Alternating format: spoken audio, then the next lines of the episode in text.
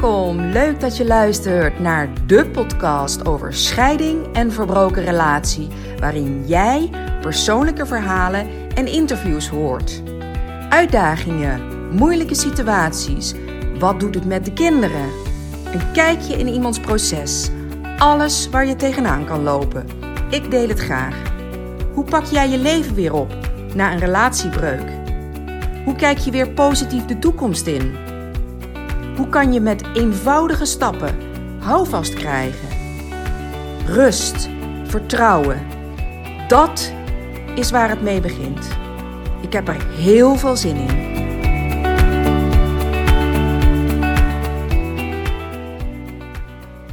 Vandaag wil ik een podcast opnemen, een tweede versie van Slachtoffer van je scheiding.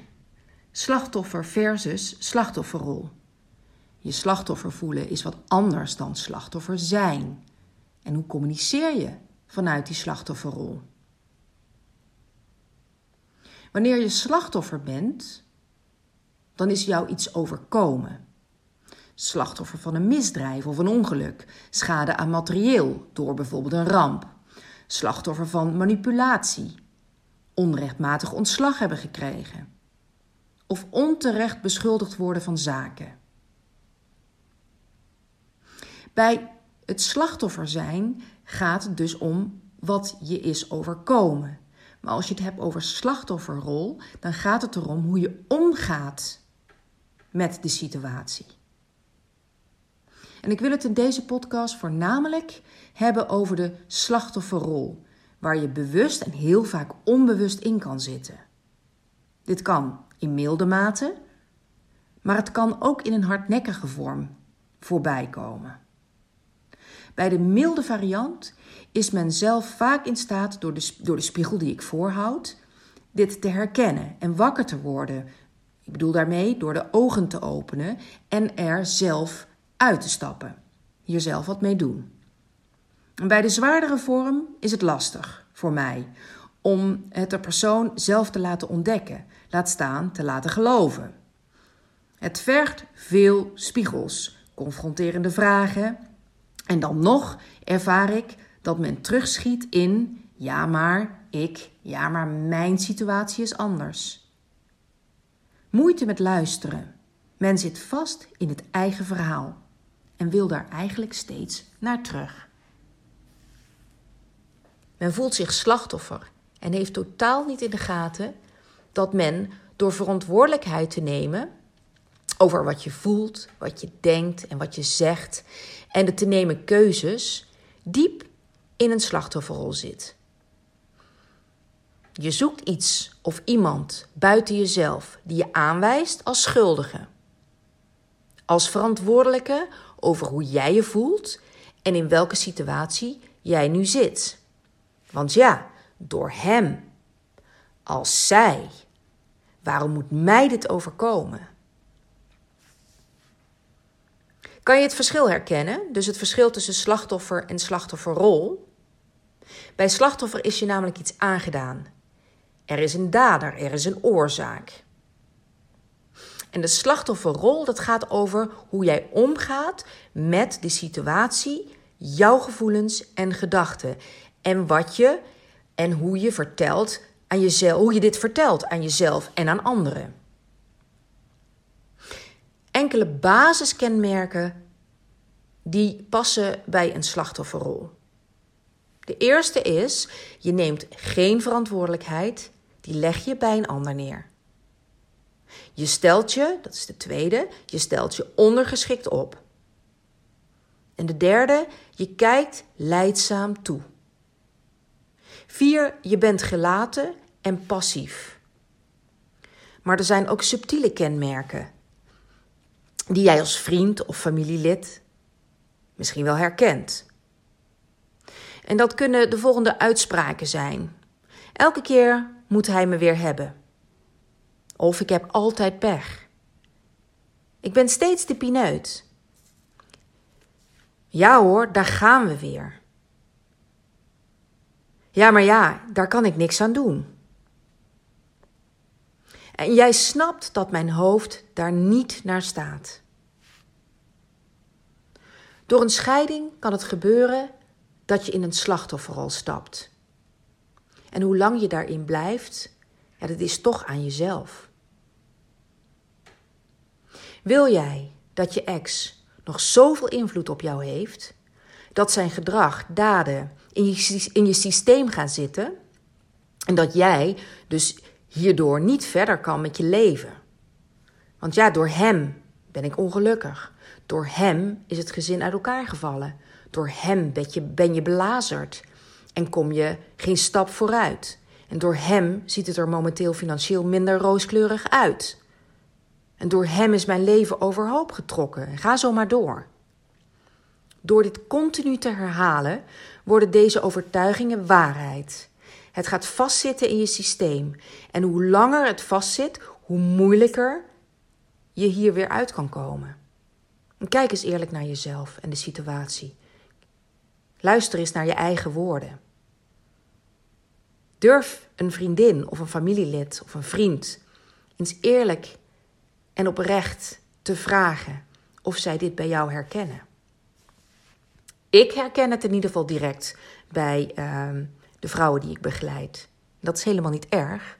Het is soms ook goed dat ik het herken. Dan kunnen we er niets mee, in, ieder geval iets mee doen. Heb je een vermoeden en zou je dat graag even tegen het licht willen houden, dan neem even contact met me op. En dan gaan we hier vrijblijvend voor in gesprek. Even een persoonlijk gesprek samen. En dan kunnen we samen kijken uh, of ik het herken en of je het misschien uiteindelijk zelf herkent, want dat is het belangrijkste.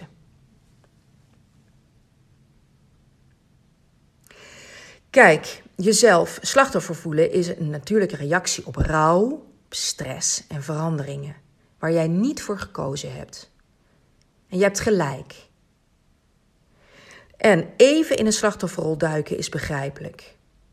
Wees dus ook een beetje mild voor jezelf.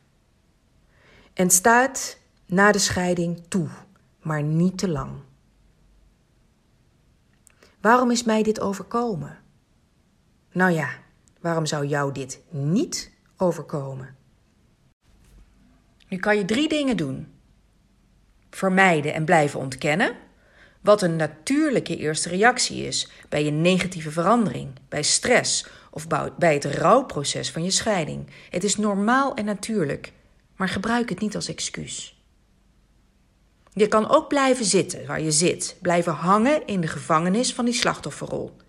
Hier niet uitkomen. En dit is funest. Hoe begrijpelijk het ook is en hoe logisch je reacties zijn, maar het helpt je niets. Geen stap verder.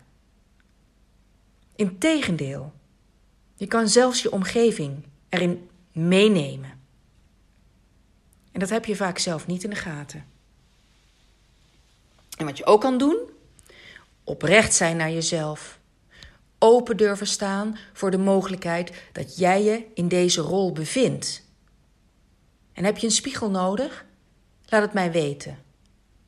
Tot inzicht komen helpt. En ik zal je gelijk een paar zeer bruikbare tools geven. Om hier direct uit te stappen.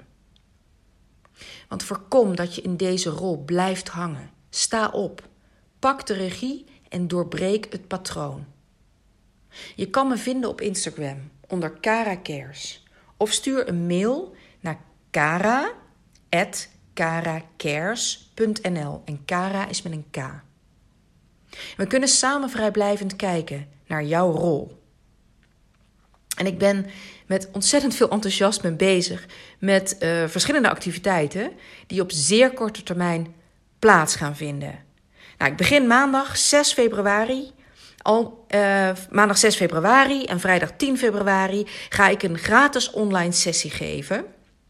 En 6 februari om 8 uur en vrijdag 10 februari doe ik dat om half 11 in de ochtend. Um, en ik vertel je dan alles over mijn eigen scheidingsproces. En hoe ik weer levensgeluk en vrijheid voelde op alle fronten. Het is live. Dus je mag mij ook alles vragen en dat kan ook. Hoe verwerk je een scheiding? Wil je deelnemen aan deze gratis online sessie? Eh, schrijf je dan even in via Instagram. Dat kan, je kan een DM sturen, maar je mag natuurlijk ook een mail sturen naar hetzelfde mailadres, kara.karacares.nl. En wat ik ook ga doen, is zaterdag 11 februari organiseer ik weer een live dag. En achter de schermen heb ik uh, veel één op één gesprekken. En ik weet ook uit ervaring hoe waardevol het is om in gesprek te gaan met lotgenoten, gelijkgestemden en hun verhaal te horen en hier herkenning uit te halen en begrip. En dat voelt zo goed. En toch merk ik dat die inschrijvingen uh, nog niet zo op gang komen. In de zin van dat ik merk dat mensen toch wat terughoudend zijn. Er zit nog veel schaamte op. En ze weten niet wat ze te wachten staan. En uh, misschien zit je in een, in een, moeilijke situatie waarvoor je wat, waardoor je wat instabiel bent. En deze keuze die dus niet kan of durft te maken. En geloof me, het is spannend. Maar na de koffie valt die spanning gelijk weg en voel je je op je gemak. En daar zal ik mijn, al mijn best voor doen om daarvoor te zorgen. Het is namelijk zo waardevol. Het werkt en het doet je echt goed. 11, 2, 11 februari op een fijne locatie. Persoonlijk en discreet. In een natuurlijke omgeving. Ja, dus sta jij open voor ervaring van anderen? En lijkt het dat je daar nu echt niet op zit te wachten, dan roep ik juist wel. Het helpt, geloof me. En ik heb het zien gebeuren hier aan de keukentafel. Beslissers en geconfronteerden, slachtoffers, mensen die in een slachtofferrol zitten, wat ze zelf doorhebben of misschien nog niet doorhebben, kregen door elkaars ervaringen meer inzicht en begrip. En de raakvlakken in ieders proces, of je er nu middenin zit of al wat, hier al wat langer doorheen bent, zijn verhelderend, waardoor er veel begrip en vertrouwen ontstaat. Mocht je hier interesse in hebben, in deze activiteit, of misschien wel allebei, laat het me weten. Je weet me te vinden op Instagram. Ondertussen heb ik het al een paar keer herhaald. Je kan me een mail sturen. En ik wens je nog een hele fijne dag. Bedankt voor het luisteren. Heel fijn dat je luisterde naar deze nieuwe aflevering. Ben je geïnspireerd geraakt en vind jij het ook zo belangrijk dat anderen zich gesteund voelen door deze verhalen, zich erin herkennen? Ja, want je bent niet de enige. Laat dan een review achter in bijvoorbeeld iTunes. Of deel het door middel van een screenshot op Instagram of Facebook. Daarmee help je mij, maar vooral anderen. Dank je wel voor het luisteren. Tot in de volgende aflevering.